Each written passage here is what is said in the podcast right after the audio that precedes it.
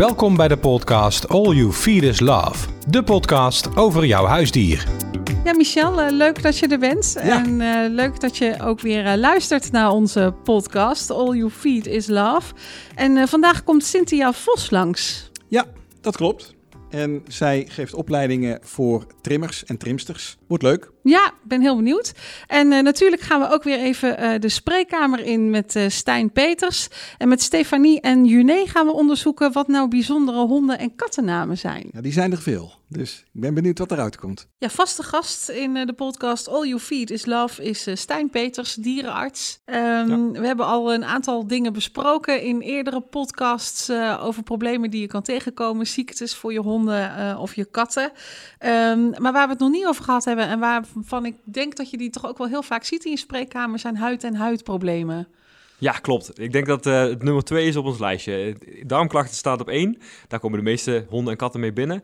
Ehm, maar hu- huidklachten is echt een dikke nummer twee. Ja.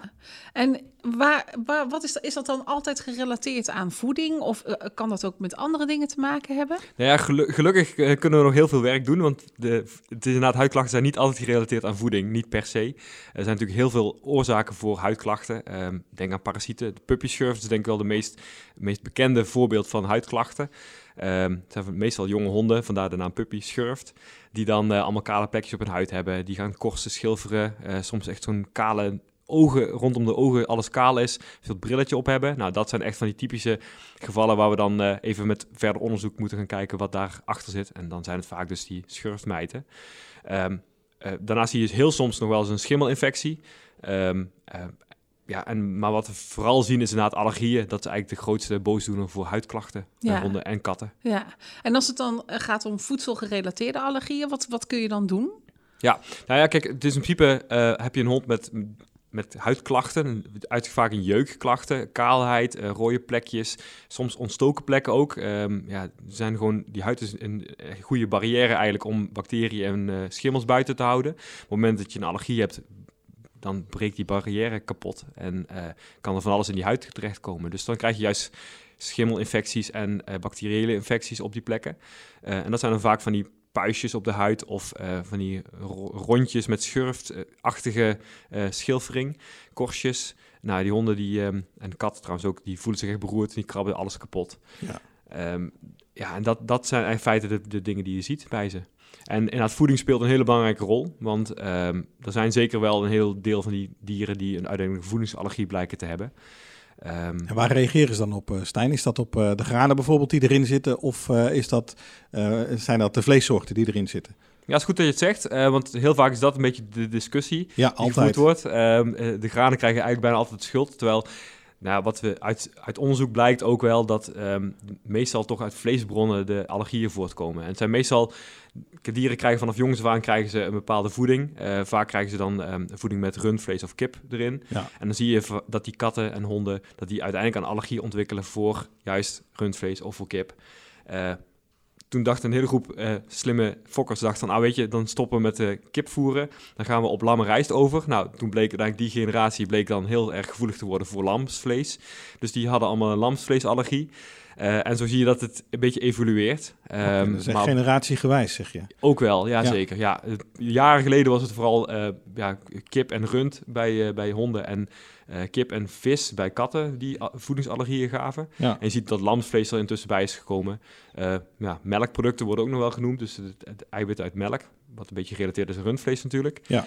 ja, en granen, de vraag is een beetje hoe, in hoeverre dat meespeelt. Er zit zeker vast wel een groepje honden en katten die gevoelig zijn voor granen, die daarop reageren. Ja. Maar het is niet zo'n grote groep dat elke hond of kat dan graanvrij moet gaan eten. Nee, precies. Oké, nou dat is wel een, eh, een goede ontkrachting van eh, de verhalen die rondgaan, denk ik. Ja, ja zeker. En, en wat doe je op het moment dat je ziet dat, eh, dat zo'n allergie voedsel gerelateerd is? Ga je dan onderzoeken waar het hem in zit? Ga je dingen uitsluiten of hoe ga je te werk? Ja, het is inderdaad uitsluiten, dat is het vooral. En ehm, wij beginnen meestal heel, heel rigoureus. Dat betekent dat je eigenlijk stopt met het voeren wat ze op dit moment voeren. Dus de voeding die ze hebben, plus alle koekjes, snoepjes, uh, dingetjes Vooral die ze tussendoor dat, krijgen. Ja, vooral, vooral dat, dat. ook. Die moeten allemaal weg. Want vaak horen wij van, ah ja, krijgt hij kip met rijstbrok. En, ehm, eh, en, en voor de rest krijgt hij, oh ja, trouwens nog een stikkie en een koekje en een Ja, ditje. vrijdag eten we altijd patatjes en dan eh, een stukje frikandel vindt hij heerlijk. Oh ja. Gaat mee, ja, inderdaad. En de frikandel is tegenwoordig gelukkig kip. Vroeger was dat eh, volgens mij iets anders eh, wat erin zat.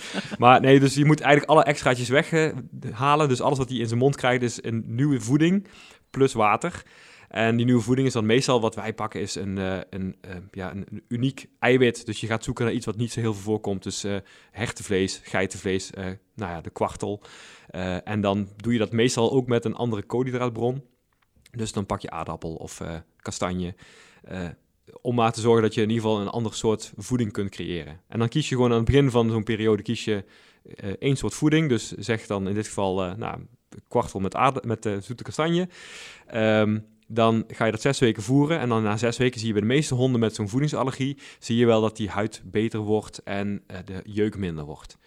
Eh, zie je dat inderdaad na zes weken? Nou, dan zal waarschijnlijk toch die voeding een rol spelen. Ehm, dan kan het zijn dat je dan denkt van... Ah, fantastisch, we hebben het uh. Dan ga ik weer terug op zijn oude brok. En nou, dan moet het in principe zo zijn dat als je dat doet... dat dan die huidklachten weer terugkomen, dat die jeuk weer terugkomt. En dan zien we bij een heel groot deel van die honden met voedingsallergie... zie je dan ook meteen weer de jeukklachten ontstaan... Uh, weer meteen ja, last van de anaalklieren, meteen weer last van de oren. Um, en er is ook een deel van die dat niet heeft. Ik werd op een gegeven moment door een eigenaar gebeld. Die zei van, nou, zes weken is het die fantastische voeding voor jullie. En uh, nou is een klacht over, kan weer alles eten. Ik zei, nou, dan heb ik uh, goed nieuws en slecht nieuws. Um, het, het, het, goede nieuws is dat ik er heel blij van ben voor je. Het slechte nieuws is dat hij geen voedingsallergie heeft. uh, dus we moeten gaan verder zoeken. Dus waarschijnlijk heeft hij dan toch iets van hooikoorts of atopie, zoals we dat noemen. Um, en daar, maar goed, daar zullen we het de volgende keer nog even over hebben in de podcast. Goed plan. Want daar kunnen we nog uren over praten. Um, maar je moet dus inderdaad echt, echt zes weken een andere voeding geven. Dan moet het beter gaan. Geef je zijn oude voeding weer terug met koekjes, snoepjes en de frikandel. Dan, um, dan heb je weer jeukklachten. Nou, dan heb je bewezen dat hij een voedingsallergie heeft. En dan mag je gaan zoeken naar waar hij dan allergisch voor is. En dan ga je eigenlijk als basis pak je dan die voeding waarmee je het uitgetest hebt. En dan ga je er dan per week wat extraatjes bij doen. Zeg je van nou, geef hem een week lang kipfilet uit een pakje. Uh, gaat hij reageren, weet je, dan is het kip. Reageert hij niet, nou, een week daarna rund, rookvlees of zoiets. Geef dat gewoon een tijdje. En uh, binnen een week moet je wel allergieklachten weer zien. En zo ga je, kun, je, kun je zoeken waar uh, je hond allergisch voor is. Ja, mooi. Interessant. Nou, straks ja. gaan we met Cynthia natuurlijk wat verder over de, over de vachten. Dit ging puur over de huid. Uh, Cynthia, die, uh, die, uh, die, dat is een hondentrimster. En die kan ons daar alles over vertellen. Geeft er ook opleiding in. Dus ja, ze is er al. Dus we gaan zo met, met Cynthia aan de slag. Ja, van de spreekkamer van uh, onze dierenarts uh, Stijn gaan we naar de hondentrimster, Cynthia. Hallo. Leuk dat je er bent, Cynthia Vos. Uh, helemaal uit Groningen ben Ja, je niet- niet afkomen normaal, reizen hier naartoe. Dik voor drie uur, hè? Dik Ja, drie uur zeker. gereden. Uit Tweede Exloermond. Ja. Leuk dat je er bent. Eh, jij bent hondentrimster. Eh, we hebben het net al even gehad met eh, de dierenarts over eh, huidproblemen. Eh, maar honden en wellicht ook katten kunnen natuurlijk ook problemen hebben met hun vacht, lijkt me zo. Klopt, dat krijgen we eh, veelvuldig binnen. En dat zie je ook heel snel hè, als mensen vanuit de, de dierenarts naar mij toegestuurd worden met bepaalde klachten. Bijvoorbeeld een ruwharige vacht die is geschoren geweest, wat niet geschoren had mogen worden, is dus zacht geworden, eh, veroorzaakt jeuk, dat soort dingen.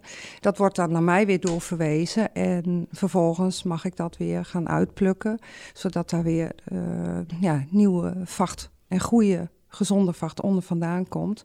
En daarnaast eh, raad ik de mensen dan ook aan om een goede voeding daarbij te gaan gebruiken. Zodat die vacht weer op de juiste cyclus komt en weer mooi en gezond kan doorgroeien. Want de vacht van de hond is wel de spiegel. Ja, daaraan kan je eigenlijk zien of het goed gaat eh, met, eh, met de hond. Ja. Eh, geldt dat ook voor katten? Moeten die bijvoorbeeld ook getrimd worden? Jazeker, voor katten geldt het ook. En dan heb ik het met name over de Maine Coons bijvoorbeeld, of de Persische katten. En dan gaat het niet zozeer dat de vacht afgeschoren wordt of geknipt wordt. Meestal is het het ontklitten. En daarnaast pluk je ook de dode vacht, de dode haren eruit.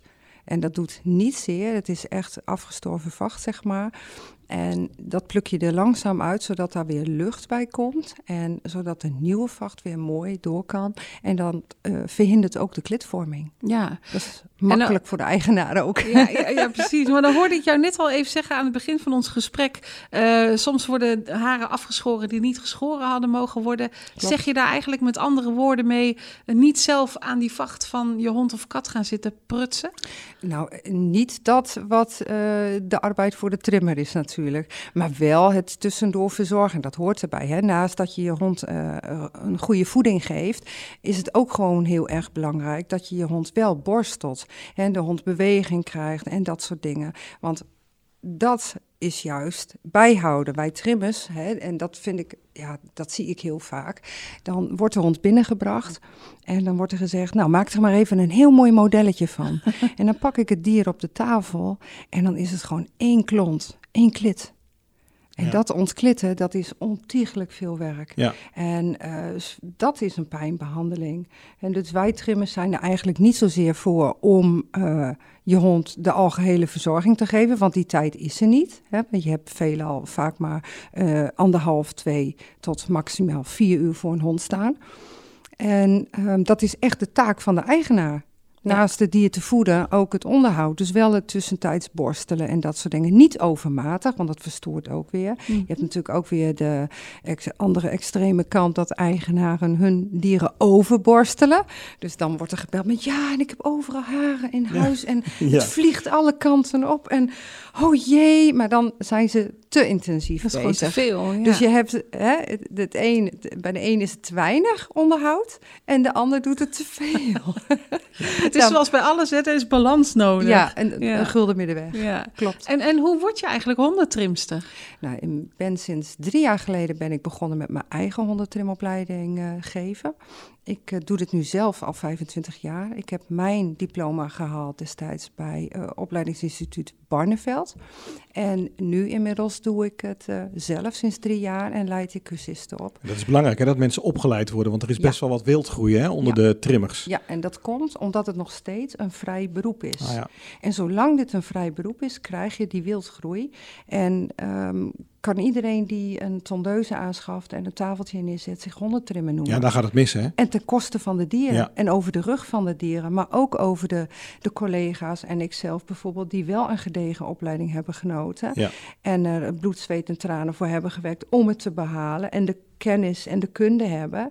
Uh, worden wij daarin benadeeld, omdat de wildgroei dan vaak, nou, af voor 20 euro scheer ik je hondje kaal. Ja. En vervolgens komt het kaalgeschoren hondje van 20 euro weer terug bij ons, omdat het dus helemaal mis is gegaan. Ja, precies. Ja. en jammer. wat kun je zelf doen als je je hond uh, of kat uh, wil laten trimmen? Hoe weet je uh, dat iemand een gedegen opleiding heeft gehad? Door in eerste instantie te vragen waar ze de opleiding hebben genoten hè, en of ze een, in bezit zijn van een officieel diploma. Dat is gewoon heel belangrijk om te weten. En daarnaast zeg ik altijd: doe een eerste kennismaking. Ga eerst even met je hond er naartoe, maak een He, maak kennis, ga dan vragen stellen. En voelt dat goed, dan is het ook goed. Ja. Maar ga nooit zomaar ergens heen en laat je, laat je dier daarachter. Ja. Dat zou ik zelf ook niet doen met nee, mijn precies. eigen. Ja, precies. En mocht er nou iemand zitten te luisteren die denkt van nou, ik zou zelf ook wel hondentrimmer willen worden, um, kunnen ze contact met je opnemen? Absoluut. En hoe doen zij dat? Ja. ik heb natuurlijk een website. nou, vertel, vertel. Ja, dat is www.hondentrimopleiding van het Noorden.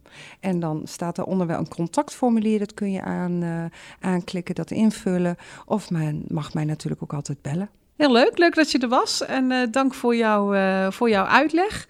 Uh, ik kan het niet laten.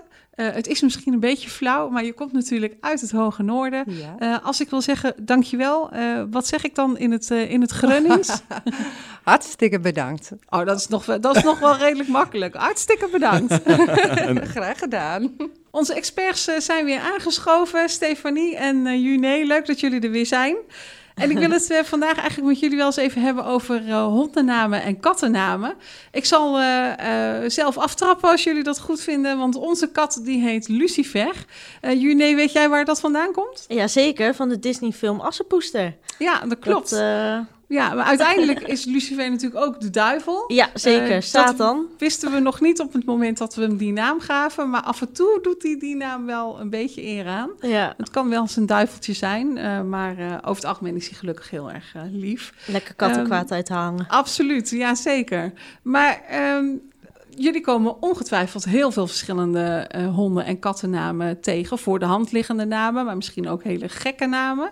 Neem Ja. ons eens mee, wat, wat hoor je zoal? Ja, zeker. Ja, nou, zeker in de tijd van de, van de Disney-films eh, zijn alle honden- en kattennamen daar wel naar vernoemd. Bijvoorbeeld, eh ja, Dalmatius 101, die is eh, Pongo een van de meest bekende namen.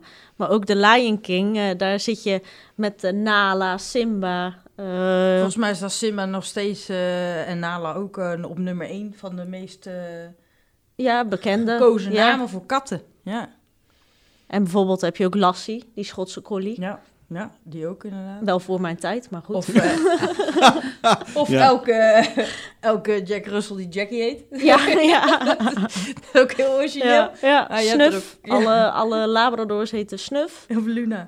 Ja, dus je hebt wel heel veel... eh, er zijn veel mensen die eh, niet heel erg vindingrijk zijn. Dat zijn natuurlijk hartstikke leuke namen hoor. Maar als je in een, eh, in een dierenartspraktijk volgens mij de lijst der namen kijkt... zijn dit wel een van de meest, eh, meest gegeven namen. Of tijger, ook zo eentje. Snoopy. Is het niet zo dat ze een bepaald, met een bepaalde letter moeten beginnen of zo? Dat hoor je toch ook vaak? Ja, dat Nee, is meer bij de, bij de, bij de fokkers, hè. Dus eh, als je die, die nesten hebt van, eh, van een, eh, vaak bij de honden dan, maar bij katten volgens mij ook. Daar weet Juné iets meer over. Ehm, maar eh, dan heb je een A-nest of een B-nest, dus dan moet elk dier met een letter B beginnen. Oh, dat is niet per jaar of zo, eh, dat elk jaar een andere letter heeft. Ja, dat zie je bij paarden nog wel eens. eh, Maar, ja. heeft dat er wel deels mee te maken, dacht ik. Maar. Ik kan het niet helemaal precies, ik ben geen fokker. Maar kom je, ook gek- kom je ook gekke namen tegen in de praktijk, waar je echt even ja, van moet lachen of waar- waarvan je echt denkt van hoe, hoe hebben ze dat nou verzonnen? Ik ken bijvoorbeeld iemand die heeft een kat en die heet al meneer Jansen. Oh ja, ja, ik ken ja. een konijn grappig. die zo heet. Ja. Tom en Jerry. Als eh, sommige Jerry, mensen ja. die dan een broertje en een zusje noemen ze ze ook Tom en Jerry. Ja, Nou, eigenlijk is dat heel flauw toch, Tom en Jerry, kom op zeg. Ja, maar dat is toch leuk als je een zwarte kat en een eh, rode kater hebt die achter elkaar heen, eh, achter elkaar Ja, ik heb rennen. ooit een hond gehad, een, eh, een, een Benessen, en die, die heette Bas. Dat is echt een superleuke naam. Hij was ook echt een Bas in mijn optiek. Ja. Je hebt er echt voor gekozen om echt een, eh, een naam die je ook aan, aan een persoon zou kunnen geven, Ja, eh, aan je hond te geven. dan. Eigenlijk mijn, mijn partner, die vond Bas een leuke naam. En ik vond het ook een leuke naam. Dus ja, dan is het al snel, eh, snel gekozen. hè. En hebben jullie zelf huisdieren en hoe heten ze? Ja, mijn, eh, mijn, ik ben ook eh, schuldig aan de Disney-films. mijn eh, kat heet Ratja. Van, eh, ja, weet je het misschien? Nee, nee. Oh, de, de tijger van Jasmijn, Oh, Oké. van Aladdin. Ja. En, eh, en mijn hond bij, die bij mijn ouders woont, die, die heet Poi, met een P-O Griekse ei. waar Dus komt dat die is ook- vandaan dan? Ja, die komt gewoon uit Nederland. Maar die naam die komt uit, eh, heel lang verhaal, uit Cambodja. Oh, Want we hadden een taxichauffeur daar en die heette Poi David. Dus Mr. Poi. En zo, daarom heet onze hond het is wel een bijzondere naam Dat is geval. een Ja, leuk, Ja, wij zijn, wij zijn wel een beetje Vindingrijk. origineel. Ja, precies. Wij hebben wel eh, die award. Kapi hoor je eigenlijk nooit meer, hè? Kapi. Kapi Kapi is van- toch een hele beroemde hond? Ik, ik denk dat... eh meeste mensen... Nee, niemand? Ik ken Nou ja, geen kaap. Ik ken ken ook wel Lassie. Ja, en dat is van, eh, Rex. dat maar... is van, eh, van, eh, van Remy, Alleen op de Wereld. Oh, Een heel Oh. beroemd, beroemd boek en een beroemde film. ja. En die hond heette Kapi. Nou, ben ik zo oud? Ja, Ja, denk ik het denk dat wel. is het, denk ik. Ik weet wel dat eh, Clipper en Charlie in Amerika heel populair waren, omdat John F. Kennedy eh, Oh, twee ja. honden had die die namen hadden. Ja. Nou ja, dan om over beroemde mensen te spreken. Ik weet niet, eh, Hitler die had een hond en die heette Blondie. Dat was ook Ja, een Duitse herder. Dat was een Duitse herder, ja, volgens mij. Of Laika, de, de, de, Oh, die Russische de hond. Die, eh, Russische hond die naar de ruimte is gegaan. Ja, Ja. dat is ook wel een populaire naam trouwens, Laika, Laika. ja, zeker. Ja. Eh, Black Beauty. Op eh. Instagram. Dat is een paard, ja. Black Beauty, ja. Ja, toch? Op Instagram heb je Smoothie the Cat. Dat is een hele beroemde kat. Kom uit Nederland. Eindhoven dacht ik dat ze woonde. Die heeft ondertussen al 2,2 miljoen volgers. Niet En normaal, hè? Garfield, die grote Oh, ja. dikke kat. Ja, maar. Garfield, is, dat is ook weer een strip natuurlijk. Zijn er mensen die hun kat Garfield noemen? Ja, waarom ja, niet? genoeg. Ja, dat is waar, maar... Toch? Felix. Oh. Azrael. Azrael, ja, die is ook wel grappig eigenlijk. ja. Ja, dat is wel mooi inderdaad. Dank jullie wel. We sluiten elke podcast af met uh, de tip van Jeroen. Ja, en wij zijn van de blije honden, Jeroen. Maar uh, als een hond kwispelt, is hij dan altijd blij?